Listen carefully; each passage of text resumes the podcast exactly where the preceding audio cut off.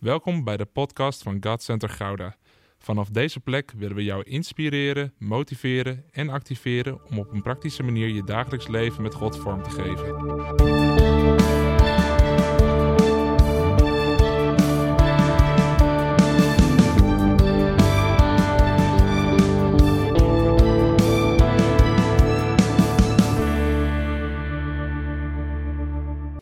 Ja, goedemorgen.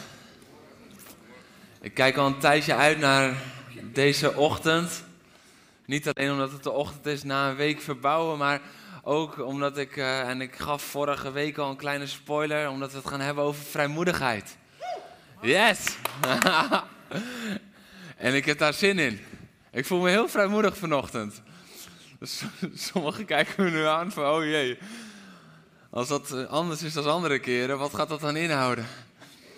Nou, dat weet ik zelf ook nog niet, maar ik voel me heel vrijmoedig. Maar we gaan inderdaad het hebben over vrijmoedigheid. En het, is wel leuk, want ehm, vandaag is eh, in principe de afsluiting van de cultuurserie. Oh, dat is een goede reactie, dank jullie wel. Maar ehm, ik, ik zat gewoon even terug te kijken. En weet je, we hebben het gehad over de stenen die we moeten neerleggen bij cultuur van eer.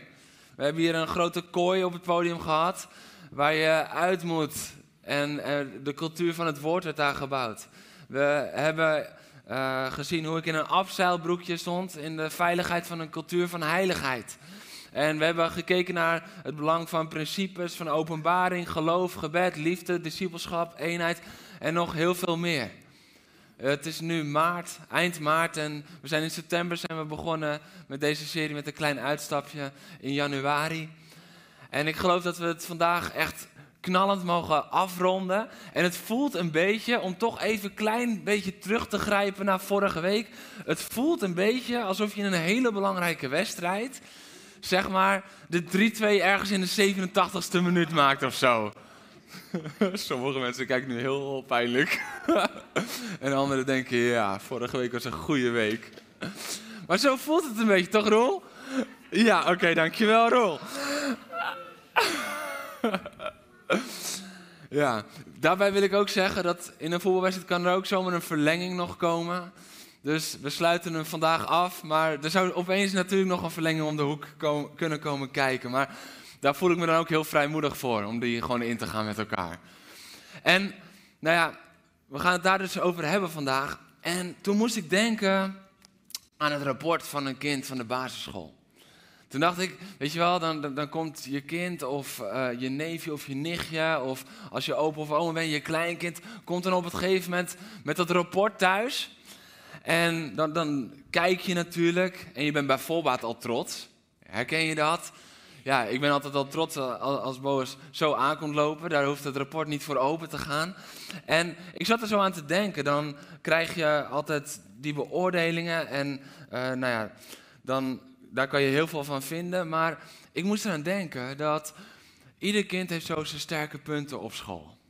Ieder kind heeft zo zijn sterke punten. En de ene kan misschien wat beter met het hoofd leren. De ander kan veel meer met zijn of haar handen. De ander is misschien weer heel erg goed in gym. En de andere die krijgt misschien, terwijl die niet zozeer in schoolwerk uitblinkt. Die krijgt dan van de juf erbij geschreven.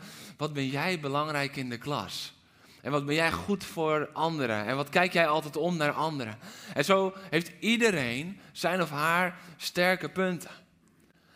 Nou heb ik zelf nog nooit meegemaakt dat iemand, als er een uh, goed stond, of een, uh, een A, want die hebben allemaal schalen, en dat C gemiddeld is, dat iemand een A scoorde, omdat die ergens in uitblinkt, en dat dan de vader of moeder of opa of oma dan zegt, ja, in mijn geval Boas, uh, ja, je, je blinkt uit in gym, zou je daar wat minder je best willen doen? Want het is belangrijk om gemiddeld te zijn. Ooit gehoord? Nee, toch? Zou best wel een beetje raar zijn, toch? Als er een kerkelijk rapport bestond.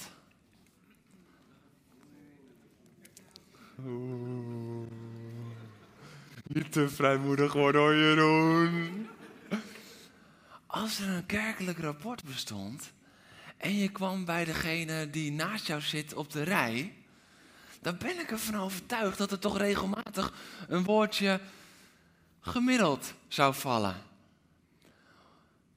En dat is zo destructief. Want het klopt niet.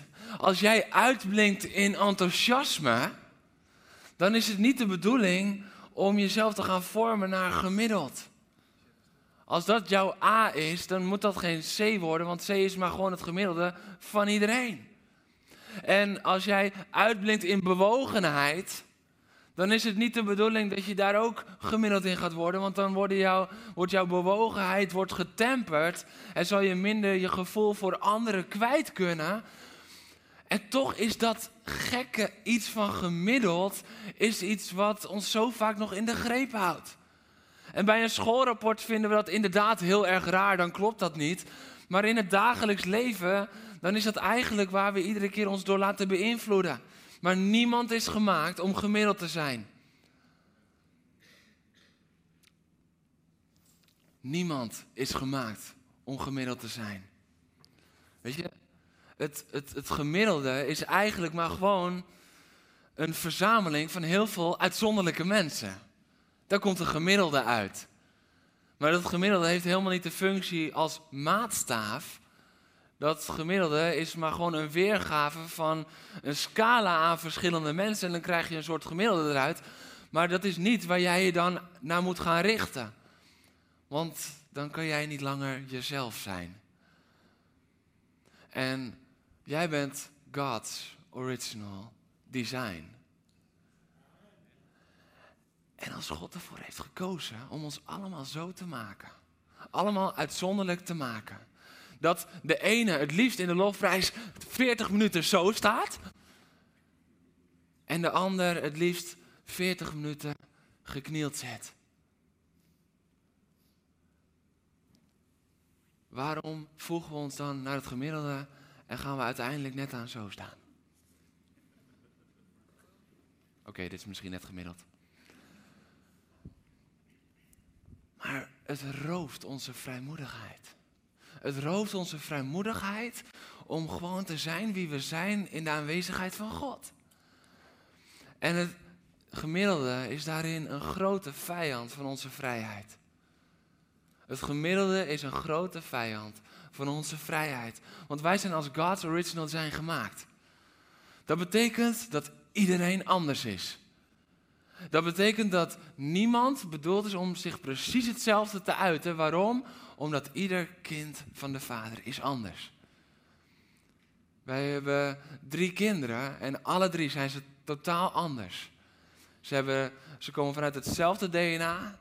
Ze wonen in hetzelfde gezin. We leren ze dezelfde normen en waarden en de Bijbelse principes. En toch zijn ze allemaal anders.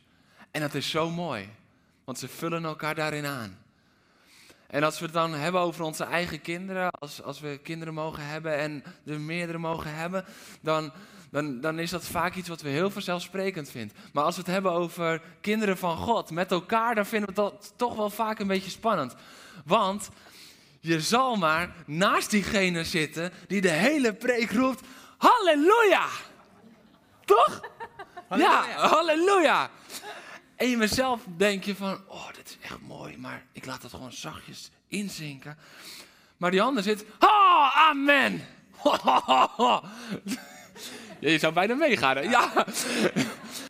Maar het zal je maar gebeuren dat je naast diegene zit en dat je dat een beetje lastig vindt om dan die focus te houden.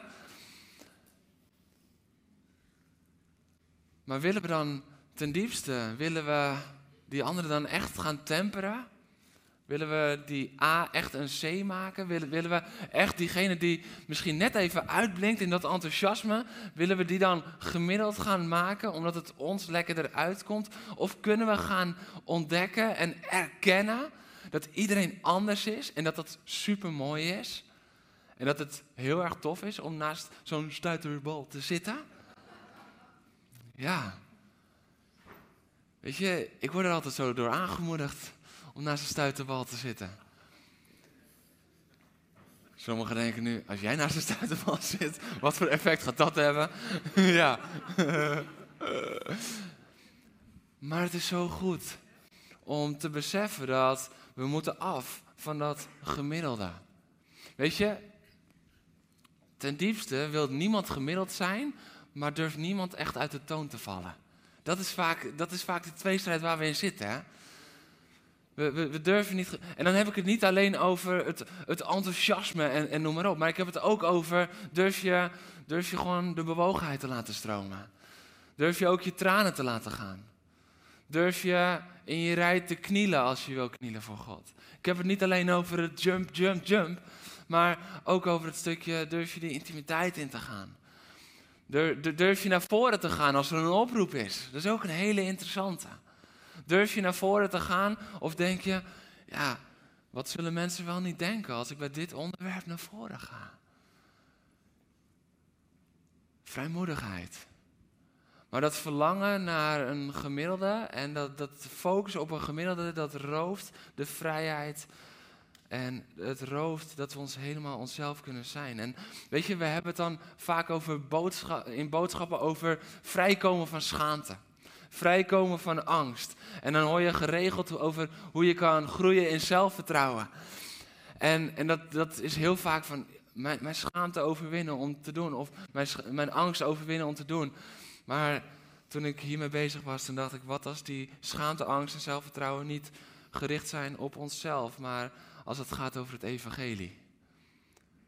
Kunnen we echt vrijmoedig zijn in het evangelie, over het evangelie. Kunnen we echt helemaal vrijmoedig zijn over degene die het evangelie is. Over Jezus Christus zelf. Kunnen we daar echt in vrijmoedigheid over spreken? Kunnen we daar echt in vrijmoedigheid uh, ja, daarin leven en, en kunnen we dat beleven ook? Kunnen we echt vrijmoedig zijn als we hier met elkaar zijn om dat evangelie te omarmen en daar helemaal voor te gaan? Ik wil vandaag één korte kerntekst met je en daarna zullen we nog een aantal teksten hebben die dat onderbouwen. Maar uh, je mag opstaan voor het woord van God, voor 2 Korinthe 5.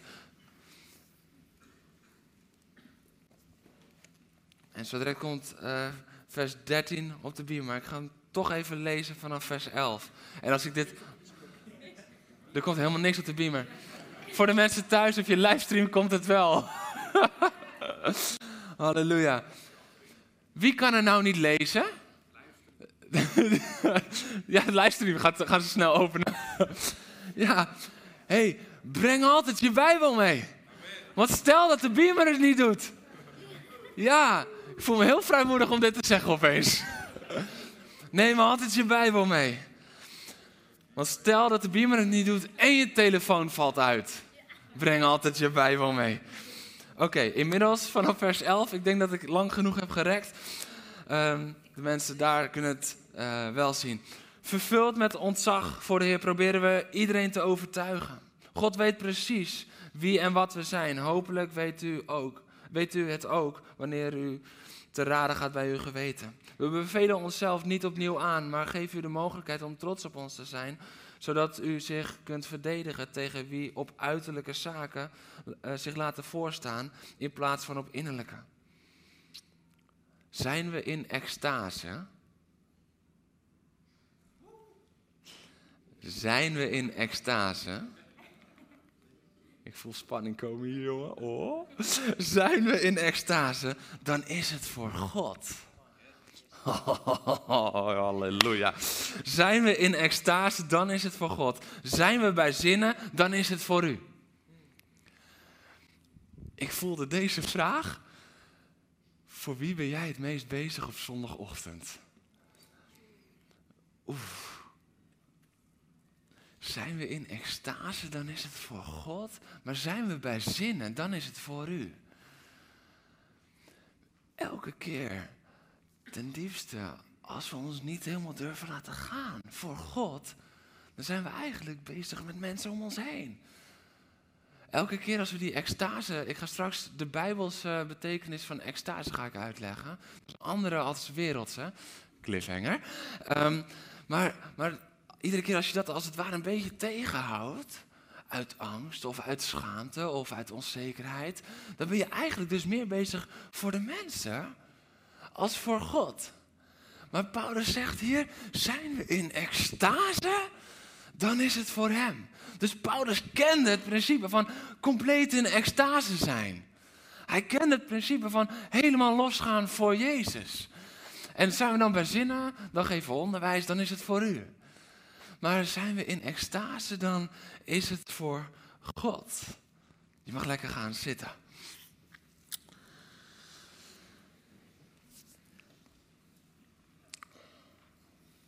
En misschien denk je nu van ja, maar weet je, je wel makkelijk praten, want Paulus, die had zo'n ontmoeting met Jezus gehad. Paulus, die was geroepen als apostel. Paulus, die groeide op in een cultuur waar, waar de eerste gemeente. Paulus, en we kunnen zo in ons hoofd allemaal redenen bedenken waarom Paulus wel en wij misschien niet. Maar laat ik hem even omdraaien. Paulus was een schriftgeleerde. Hij was een fariseer. En als er mensen op aarde bezig waren met wat anderen van hun dachten, dan waren het wel schriftgeleerden en dan waren het wel fariseërs. Het is niet voor niets dat Jezus dat zegt. Ja, zij doen het voor uiterlijk vertoon.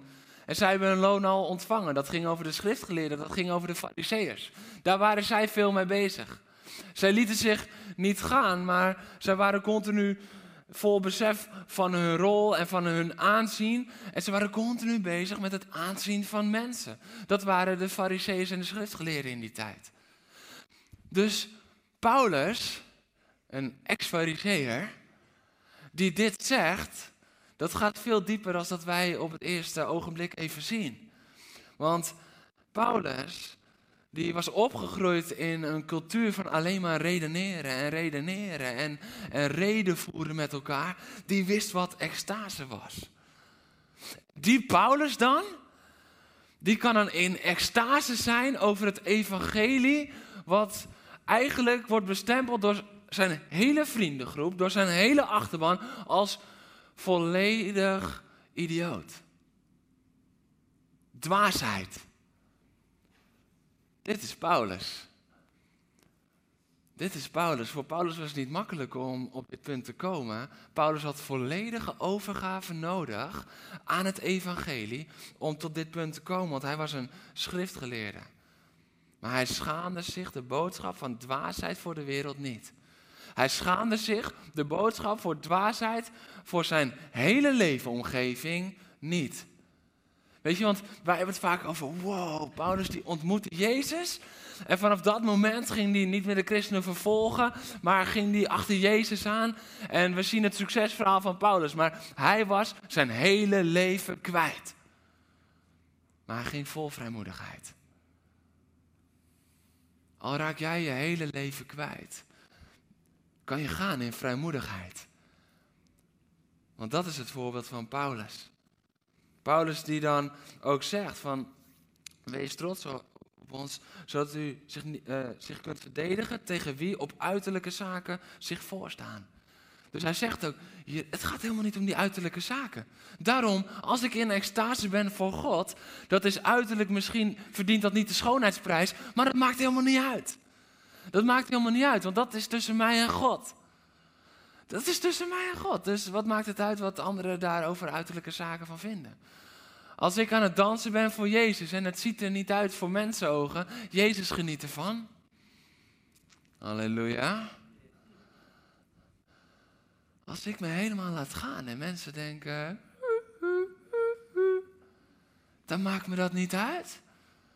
Want het gaat me niet, ik laat me niet vooraan staan op wat mensen aan uiterlijke zaken beoordelen, maar ik, ik wil gewoon bij God zijn. En alles wat ik doe, daarin is gericht op God. En het gaat om Hem. En het gaat niet om mezelf. Het gaat niet om de meningen van anderen. Dat is vrijmoedigheid. Weet je, dezelfde Paulus die schrijft in Romeinen 1, vers 16. Voor dit evangelie schaam ik mij niet. Voor dit evangelie schaam ik mij niet. Denk even wat, wat ik net heb uitgelegd over Paulus. Voor dit evangelie schaam ik mij niet. Voor dit evangelie dat niemand anders snapt. Dat mijn hele leven heeft gekost. Al mijn vrienden heeft gekost. Betekent dit trouwens dat ik gewoon opnieuw moet beginnen? Nee? Ik dacht, anders doen het gewoon opnieuw, toch? nee. Oké. Eh, wacht even, ik doe hem even deze dan af.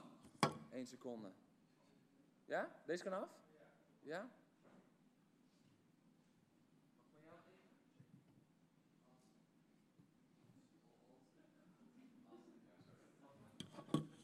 Yes. Oké. Voor dit evangelie schaam ik mij niet. Dat evangelie van Jezus, waarachter hij aan was gegaan. Wat hij aan het slopen was. Waar hij de mensen van vermoordde. Voor dat evangelie schaamt hij zich niet langer. Dat evangelie dat hem alles, alles, alles heeft gekost. Dat is datgene waarvoor hij zijn status opgaf. Zijn leven opgaf. Dat evangelie van Jezus. En dan gaat hij all the way. Dan gaat hij in totale vrijmoedigheid. En dat vind ik zo mooi. Dat vind ik zo krachtig dat hij dan in volle vrijmoedigheid gaat. En, en dan durft hij dus ook in extase te raken. Een fariseer in extase. Nou, dat moet wat zijn geweest in die tijd. Iemand die niet met, met de borst vooruit rondliep en kijk mij eens. En oh, oh, kijk, een hoek van de straat. o Heer, hoor mijn gebeden. En hoor mijn prachtige berijming en intonatie in mijn gebed. Want dat is hoe de fariseeën stonden. Dat is wat Jezus zegt. Maar ik zie zo voor me dat Paulus daar stond. Oh Heer, ik hou van u. En dat andere dachten, oh, oh Heer, wat is er met hem gebeurd? Maar ben ik in extase, dan is het voor God. Ja, maar Jeroen, dat zit niet helemaal in de Nederlandse cultuur.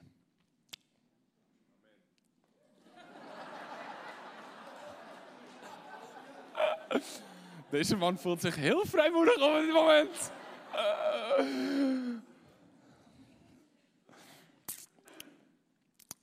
Ik heb een uh, klein polletje. Um, toen Max Verstappen wereldkampioen werd, wie heeft er gejuicht? Oké, nou, het zit dus wel aardig in de cultuur. Toen Ajax de 3-2 maakte in de 87e minuut.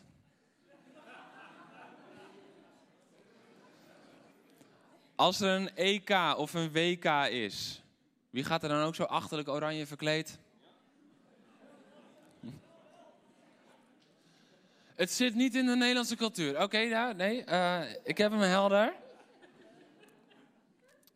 Het zit hem niet in de Nederlandse cultuur. Ondertussen staat Nederland bekend bij het EK en het WK als het Oranje Legioen. Want die gaan altijd helemaal los. Die gaan door de straten in beurtzang, om het zo maar een beetje te noemen. ja, ja. Ze, ze, het, is een soort kruistocht die ze gaan. Ze nemen een hele stad over. Ja, met oranje. Nee, maar het zit niet in onze cultuur hoor, want wij zijn heel normaal.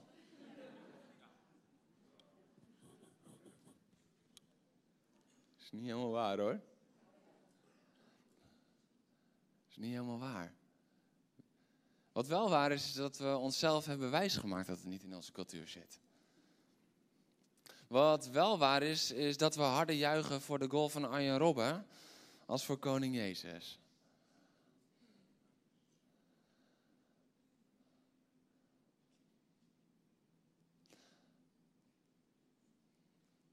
Die laat ik even vallen. Ik had deze opgeschreven, ik durf hem bijna niet meer te zeggen. Oh, je hoort ook die zin erin. Een gebrek aan vrijmoedigheid is geen cultuurkwestie, maar een gebrek aan vurige passie.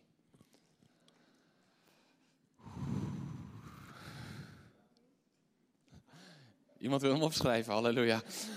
Een gebrek aan vrijmoedigheid is geen cultuurkwestie, maar een gebrek aan vurige passie. En waarom ik geloof dat dit een woord van God is om ons in liefde te corrigeren, is omdat we in het vuur van het moment, als het Nederlands zelf al scoort op een halve finale WK of EK, dat we wel helemaal losgaan. Dat we dan onze passie laten spreken. En dan doen we het met z'n allen en dan vergeten we even iedereen die naast ons staat. Dan maakt dat even niet meer uit opeens. Opeens is er een andere dynamiek. Dus dat het niet in onze cultuur past. Ik, ik ben er echt achter gekomen. Dat is echt iets wat, wat ik me gewoon heel erg lang mezelf heb voorgehouden. Wat helemaal niet waar is. Maar ben ik op zondagochtend net zo enthousiast over Jezus als een winnende goal in de negentigste minuut voor het Nederlands elftal. En het hele land zit op zijn kop. Of durf ik me dan veel meer te laten gaan omdat we het met de massa doen. En op zondagochtend dan ben ik misschien de eerste. Wat houdt me tegen? Is het echt omdat er een andere cultuur is? Nee, er is hier een koninkrijkscultuur. De cultuur van God. De cultuur van het koninkrijk van God. Die zegt echt niet van, doe maar even rustig aan. Je bent hier in Nederland. Dat, dat zegt de cultuur van God niet. De cultuur van God zegt, wees jezelf. Laat even duidelijk zijn. Mijn doel met deze boodschap is niet dat we zeg maar, aan het einde van de dienst echt allemaal zo staan. Hè? Nee, nee, nee, daar ben ik heel serieus in. Ik wil alleen dat de mensen die dat diep van binnen zouden willen, de vrijmoedigheid ervaren om dat te doen. Als jij meer bent van het knielen, dan wil ik niet dat je op een stoel gaat staan. Want dan wordt het alsnog gedrag. Ik heb het over vrijmoedigheid. Niet over, hé, hey, laten we met z'n allen een nieuw iets gaan doen. Want dat rooft ook elke vrijmoedigheid. Dat zou uiteindelijk ook de vrijmoedigheid roven om, om gewoon die binnenkamer in te gaan. Dus dit is niet van, oh, laten we met z'n allen wat nieuws gaan doen, enthousiast lijken. Nee, laten we onszelf worden in volle vrijmoedigheid. Maar weet je wat het is?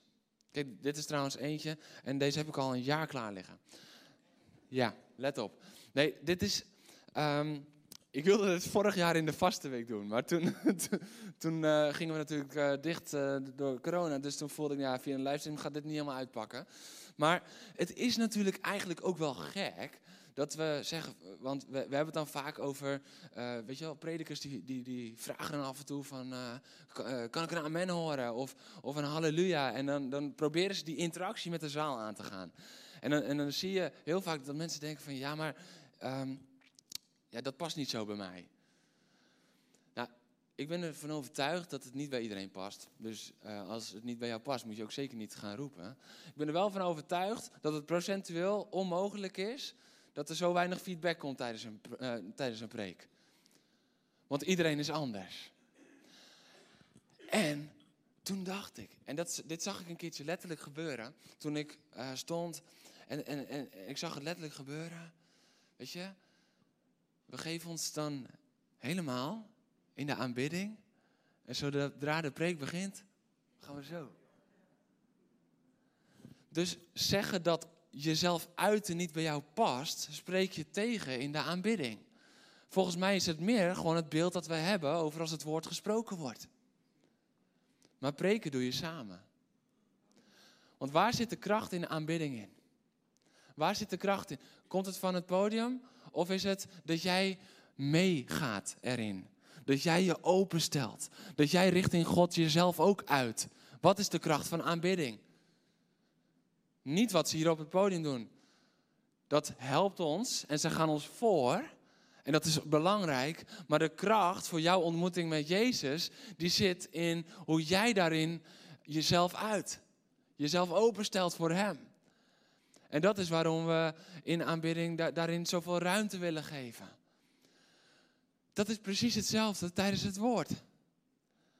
Dat is precies hetzelfde tijdens het woord. Het woord komt zo diep als dat jij jezelf openzet en jij jezelf ook uit daarin naar God. Ja, Jacques begrijpt het. En ik weet dat hij het begrijpt. Maar dit is zo belangrijk. Alleen omdat de grote menigte het nog niet doet, voelen we ons vaak zo belemmerd. Weet je, ik had het voor de dienst nog even met Niels over. Ik ben met Niels in Congo geweest. Ik heb het geluidsniveau van Niels tijdens de preek in Congo heb ik hier nog niet gehoord. Het was een wonder dat ik hem überhaupt hoorde daar. Want hij was niet de enige. nee. En dan kan, kan je weer schieten. Ja, maar dat is een cultuurding. Maar Congolezen die schreeuwen niet ook nog eens veel harder als Congo scoort als wij als Nederland scoort. Het is niet zo'n cultuurding als wij, dat wij denken. Het is een, een ding in ons hoofd. Maar we mogen er vrij van worden. Vrij van die angst en schaamte. Vrij van die angst en schaamte. Weet je, als jij midden in een rij zit en, en je voelt om tijdens de aanbidding te knielen, maar je denkt van ja, weet je, dan moet ik of misschien mijn rij uit, of, of, je zou voor willen knielen tijdens de aanbidding. En je denkt, ja, maar ja, wat zullen dan anderen denken? Of, of je voelt de tranen opkomen en je stopt ze weg. Is het herkenbaar? Laat die hysterische hel maar eens gaan hoor. We zijn hier met elkaar, we zijn één familie. Het is veilig. En als iemand er moeite mee heeft, zegt dat iets over diegene en niet over jou. En dat bedoel ik niet veroordelend, maar dat betekent dat die ander nog dat proces aan moet gaan. Want jij bent gemaakt als God's original design. En die andere ook. Maar als we dat gaan waarderen in elkaar, dan komt er ruimte voor vrijmoedigheid. En we zijn gemaakt om vrijmoedig te zijn. We zijn gemaakt om ons daarin helemaal te kunnen laten gaan. Weet je, en ik deel dit uit liefde. Misschien denk je van, oeh, het is misschien wel een beetje scherp, maar, maar ik deel dit uit liefde, want liefde drijft angst uit. Ik voelde dit zo van God, ik worstelde er een klein beetje mee. Ik dacht van, nou heer, uh, het is af en toe wel een beetje scherp misschien. Maar dat hij zei, Jeroen, liefde drijft angst uit. Als je dit niet uit liefde deelt, dan deel je het niet. Dan kan de angst er niet uit. We moeten dingen op de agenda zetten om er vrij van te komen. We moeten vrij worden van die angst, van die schaamte. Van dat gebrek aan, aan, aan een stukje zelfvertrouwen, waardoor we ons niet helemaal durven geven, omdat we denken van ja, maar wat zullen anderen dan van ons denken? Maar ben ik in extase, dan is dat voor God. Ga ik helemaal los, dan is dat voor God. Dan maakt het me niet uit wat een ander daarvan denkt. En ben ik bij zinnen, dan is dat weer voor mensen. Een cultuur van vrijmoedigheid is niet on-Nederlands. Het is tijd dat we de cultuur herstellen. Het is tijd dat we het weer helemaal herstellen.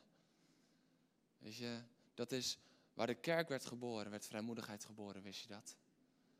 Waar de kerk werd geboren op die eerste Pinksterdag, daar, daar traden de discipelen die weg waren gerend voor Jezus, die weg waren gerend voor het kruis, die traden naar voren en die predikten het evangelie. Waar de kerk werd geboren, werd vrijmoedigheid geboren. Jij bent de kerk. Jij bent bestemd om vrijmoedig te zijn. Jij bent gemaakt om vrijmoedig te zijn. Niet alleen hier, maar ook op elke plek waar je komt. Ook daar op je werk, ook daar op jouw school, ook daar in jouw familie, ook daar in jouw straat. Om helemaal vrijmoedig te zijn. Daar ben je toe bestemd. Een mooi voorbeeld daarvan is David. David in 2 Samuel 6. Wat er gebeurt als hij in de aanwezigheid van God komt, is dat hij zich helemaal laat gaan. Er staat dan in 2 Samuel 6, vers 13 en 14. Telkens als de dragers van de ark van de Heer zes passen hadden gedaan, offerde hij een stier en een vetgemeste koe. Vol overgave danste hij voor de Heer. Slechts gekleed in een linnen priesterhemd. Vol overgave danste hij voor de Heer. Vol overgave liet hij zich helemaal gaan. Vol overgave. En dat duurde lang. Want elke zes passen gingen ze ook weer offeren. Heb je wel eens bedacht hoe lang het dan duurt? Om van deze kant van de zaal naar de andere kant van de zaal te gaan. Moet je nagaan als je ergens de, eh, de, de, de ark van de Heer, wat staat voor de tegenwoordigheid van de Heer, helemaal moet verplaatsen. En, en dit is wat er gebeurt. Hij danste vol overgave. Waarom? Daar was de aanwezigheid van God. En waar de aanwezigheid van God was, raakte hij in extase. hij raakt in extase voor God. En hij laat zich helemaal vrijmoedig gaan. En, hij, en misschien denk je nu van, ja, maar uh, extase voor, voor God, ehm, ja, dat is makkelijk, want David, dat was ook echt zo'n psalmist. David was echt zo'n aanbidder. Dus ja, dat je met David komt, dat is wel een beetje makkelijk. Maar de hele Bijbel staat vol van mensen die in die vrijmoedigheid wandelen, wist je dat? En hij danste, maar Noach, die ging gewoon stug vrijmoedig door met het bouwen van een ark, terwijl die helemaal belachelijk werd gemaakt door iedereen. Mozes glanste helemaal toen hij uit de aanwezigheid van God kwam. En die Mozes, die op sommige momenten bijna gestenigd werd door het volk, die voelde de volle vrijmoedigheid om het volk heel duidelijk te corrigeren toen ze het gouden kalf hadden gemaakt. Waar je in de aanwezigheid van God komt en waar je daarvan uitgaat om uit te reiken, vol je vrijmoedigheid. Paulus en Silas voelden enorme vrijmoedigheid om God groot te maken, terwijl ze kapotgeslagen waren en in de diepste, diepste kerken zaten. En ze voelden niet alleen om dat, in die vrijmoedigheid te zingen toen de deuren gesloten waren, maar ook toen die deuren openbraken en die gevangenisbewaarder een einde aan zijn eigen leven wilde maken, was het eerste wat ze zeiden, ho. Want ze hadden de vrijmoedigheid om het evangelie niet alleen te zingen veilig bij elkaar, maar ook te spreken in de wereld erbuiten. Vrijmoedigheid. David was niet de enige. En ik zei net al van, ik wil even bijbelse extase en wereldse extase scheiden. Want als je nu denkt van ja, extase, allemaal leuk en aardig, maar de wereld zegt, extase is een toestand van verrukking, waardoor je jezelf niet meer bent. De bijbelse vorm van extase is anders. Dat is een toestand van verrukking waarin je helemaal jezelf durft te zijn. Weet je waarom we zo bang zijn voor extase? Omdat we de wereldse uitleg er nog zo van in ons hoofd hebben. Omdat we de wereldse uitleg van extase, ja maar dan ben je buiten jezelf en dat is toch niet helemaal goed. En, en je moet toch vooral jezelf zijn? Ja dat klopt. En daarom moeten we in extase kunnen raken, want extase is juist volledig jezelf durven zijn. Helemaal jezelf durven zijn. En dan maakt het dus niet meer uit wat anderen van je denken. Nee, ik ben mezelf. En, en ik laat me gaan zoals God mij heeft gemaakt. En voor de een is dat misschien met een vlag. En voor de ander is dat misschien geknield. De ander is dat tranen van bewogenheid. En de ander wil wel op die stoel staan. En het is allemaal goed. Het is allemaal goed. Als jij maar de volle vrijmoedigheid hebt om helemaal jezelf te zijn. En dat is bijbelse extase. Bijbelse extase gaat dus niet om het kwijtraken van jezelf. Want dan is het vaak, ho, ho, ho, Jeroen, dit, dit, dit voelt niet veilig. Nee, dat is ook helemaal niet veilig. Want dan heb je jezelf niet in de hand. Maar bijbelse extase is helemaal jezelf durven zijn. In, in de verrukking van wie Jezus is.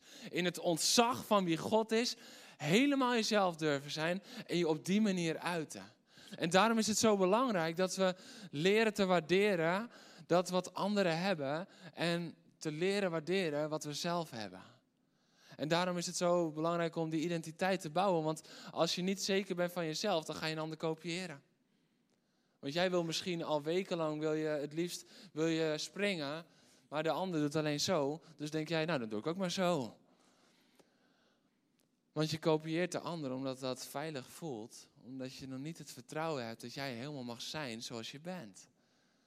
Maar bijbelse extase is in verrukking van wie hij is, helemaal jezelf durven zijn. En ik wil je daarin uitdagen. Weet je, en ik durf het ook met volle vrijmoedigheid te zeggen. Twee jaar geleden had ik dat niet gekund. Want als ik dan het hierover zou hebben, dan zou ik met mezelf nog de worsteling intern zitten van, Heer, is dit omdat ik zelf behoefte heb aan meer feedback tijdens de boodschap? Of, uh, of bepaalde onzekerheid in mezelf? Of is het echt omdat ik het Bijbels geloof? Dat had ik twee jaar geleden. Jongens, in alle eerlijkheid, ik heb de afgelopen twee jaar zo vaak in een lege zaal voor een camera gestaan. Ik durf echt inmiddels te zeggen, dit is echt alleen maar bijbels gefundeerd. Ik ben er in die twee jaar echt achter gekomen.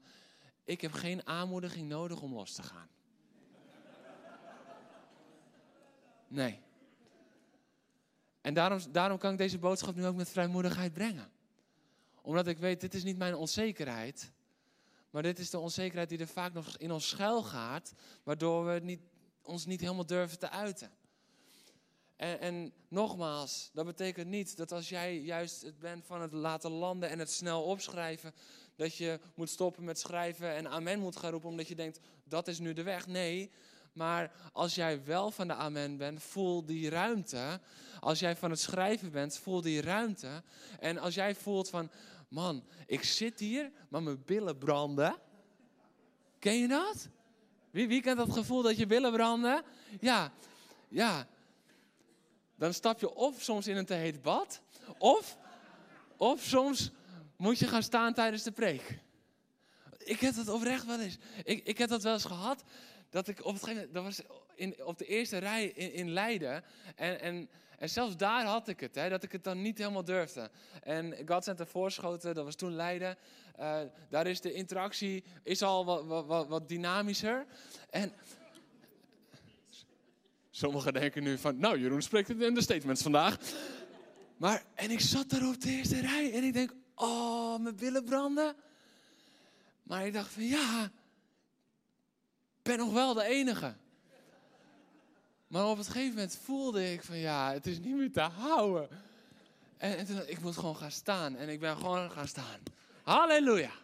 En ik ben gewoon applaus gaan geven. Het was zo'n mooi punt. Het was zo diep wat daar gepredikt werd. Het was zo om vrij te zetten. En ik stond daar gewoon. En weet je wel, nu denk je van, oh, en het zette iets vrij. En daar ging er een staan. En daar ging er een staan.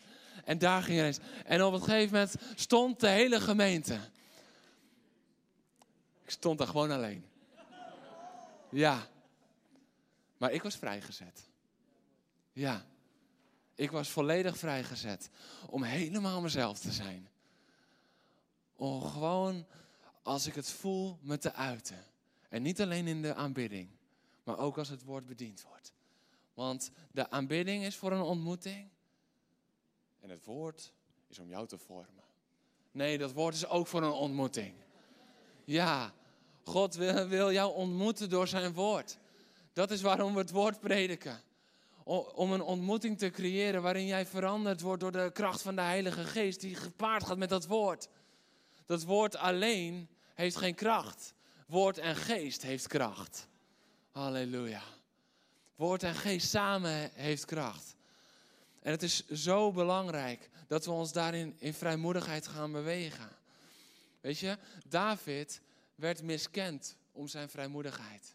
Het is niet alleen een succesverhaal. Zijn eigen vrouw verafschuwt het. Michal. Zijn eigen vrouw verafschuwt het. Wat doe jij daar? Doe normaal, David. Moet je nagaan, hè? Heb je helemaal, helemaal uit je panty gedanst? En dan kom je thuis. En dan zei je vrouw, wij moeten even praten.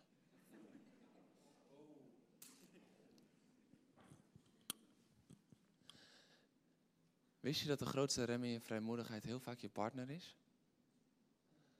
Niet zozeer om wat zij vindt of wat hij vindt, maar veel vaker om wat jij denkt dat hij vindt, wat jij denkt dat zij vindt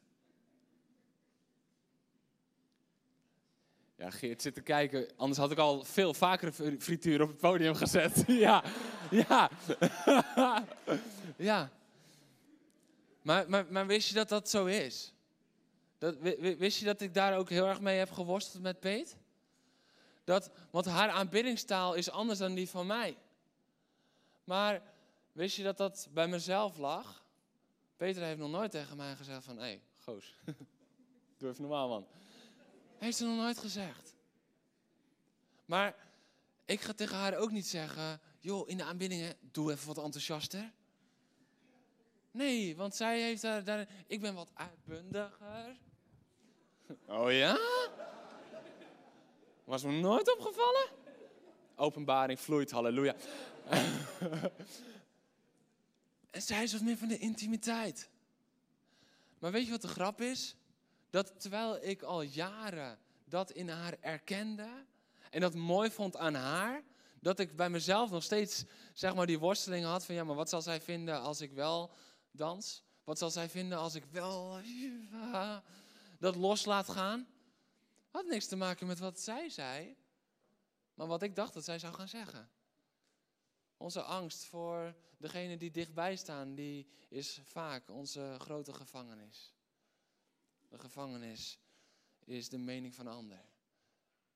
Want die mening van anderen, die potentiële mening van anderen, die vaker in ons hoofd zit als in de mening van anderen, is vaak de onzichtbare gevangenis tegen vrijmoedigheid. En we moeten vrijmoedig zijn om daar doorheen te breken. Vrijmoedig zijn. Weet je, ik ben tot het punt gekomen dat ik zoiets heb. Ik ben liever raar voor God dan normaal voor mensen. Oprecht. Oprecht. Laat mensen maar denken. Als je nu livestream zit te kijken en je denkt, hoe ben ik hier beland? Ja, kom er eens bij. Het is nog, nog veel mooier. Maar dit is wie ik ben. Ik ben ook helemaal een beetje raar. Ach.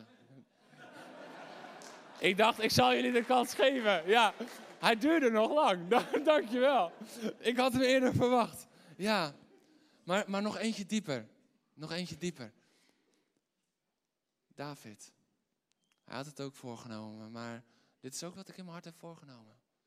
Ik word liever afgewezen voor God dan geaccepteerd voor, me, voor mezelf en voor mensen. Ik word liever afgewezen voor God dan geaccepteerd voor mezelf of door mensen. Want het rooft me vrijmoedigheid om de acceptatie van mensen na te volgen. Want ik ben alleen maar bezig met wat zullen anderen denken. Vraag of de band alvast naar voren komt. Sta op in vrijmoedigheid, band. Jullie weten wat er komt. En de rest wordt nu zenuwachtig. Halleluja. Oké, ik wilde nog, nog, een, nog een leugen ontkrachten. Vrijmoedigheid is geen karaktereigenschap. Vrijmoedigheid is geen karaktereigenschap. Het is een cultuur die we bouwen. En het is ook de keuze om je te laten gaan voor wat jouw passie is. Dat is vrijmoedigheid. De keuze om je te laten gaan voor dat wat jouw passie is. En dat is een cultuur die we bouwen met elkaar. Dat is een cultuur die we mogen bouwen met elkaar. En, en, en dit, is, dit is wat God tot me sprak. En, en dit, dit raakte me zo, want zo vaak bidden we om vrijmoedigheid. Weet je wel, dan als, als we de straat op gaan en we gaan evangeliseren of, of, of we willen iets delen met familie of vrienden, dan, dan bidden we, ja, geef me de vrijmoedigheid. Maar dit, dit liet God me zien, dat als we hier met elkaar de naam van Jezus niet durven roepen, hoe denken we dat als we alleen zijn en op de plek waar we invloed mogen gaan uitoefenen, als we niet veilig bij elkaar zijn, hoe denken we dan dat we de naam van Jezus durven spreken? Want als we het hier niet durven roepen in deze totaal veilige setting met elkaar, als we die vrijmoedigheid niet ervaren, hoe denken we de vrijmoedigheid wel te hebben op het moment dat we ons omringen met mensen waarvan we weten, dit kan wel eens heel veel afwijzing gaan kosten. Als we binnen de familie, waar we geaccepteerd worden, waar we geliefd zijn, als we daar niet durven, hoe kunnen we dan denken dat we het op straat wel kunnen? Even om terug te komen op die klassieker van vorige week. Rol blijft staan. Oh.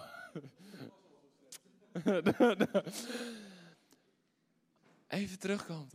Als jij niet durft te juichen voor Ajax, terwijl jij in een Ajax-vak zit, helemaal omringd met allemaal mensen in hetzelfde shirt, allemaal Ajaxiden. En als je dan al denkt van, terwijl iedereen juicht en dat je denkt van, nou, er is echt, ja, dit was de winnende goal in de 87e minuut awesome, maar ik durf me niet te uiten. Als je dat dan niet durft, denk je dat je dan de vrijmoedigheid voelt? Als je in het Feyenoordvak staat, als enige Ajax ziet, in een Ajax-shirt, terwijl er zeg maar 2000 man zo naar je kijken als Rol nu naar je kijkt. En dan gaan we bidden voor vrijmoedigheid. Toch? Ja, toch? Ja, toch? Dan gaan we bidden, want dan denken we, ik heb vrijmoedigheid nodig. Maar, maar die stap is best wel groot van geen vrijmoedigheid naar bovennatuurlijke vrijmoedigheid. Maar we moeten vrijmoedigheid bouwen in dat veilige vak. Omringd met degenen die hetzelfde voor ogen hebben. Omringd met de mensen die van dezelfde Jezus houden. Omringd met je familie. Want dat is wat we zijn. Omringd door het lichaam van Christus. En iedereen uit zich anders, want iedereen is een ander deel van het lichaam.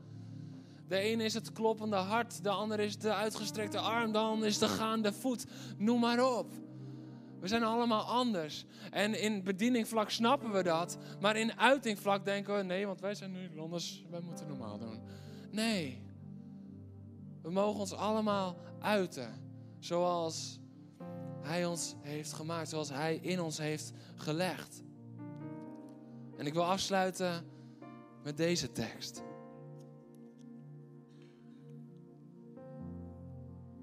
Hebreeën 10.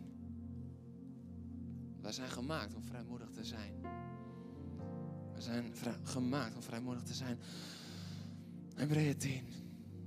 Broeders en zusters, dankzij het bloed van Jezus kunnen we zonder schroom binnengaan in het heiligdom. Zonder schroom.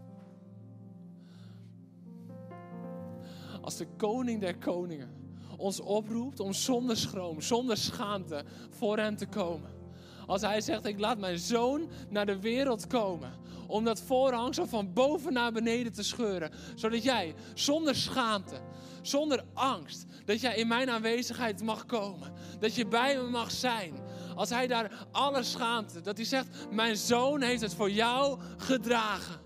En ik wentel het van je af, zodat jij zonder schroom kan komen in mijn aanwezigheid. Als dat is wat hij heeft gedaan, dan is het tijd dat de kerk loskomt van de schroom van mensen. De schroom van mensen die geloven in diezelfde God, die diezelfde zoon heeft gestuurd om zonder diezelfde schroom voor hem te komen. Het is tijd om op te staan daarin en te zeggen: Het is over met die angst, het is over met die schroom. Ik wil volledig zijn wie Hij in mij heeft gelegd. En ik wil dat volledig kunnen uiten. En, en nogmaals, dan gaat het niet om welke uiting, maar dat je je kan uiten. En dan wordt het een, een, een prachtige mengeling, zoals een mozaïek is.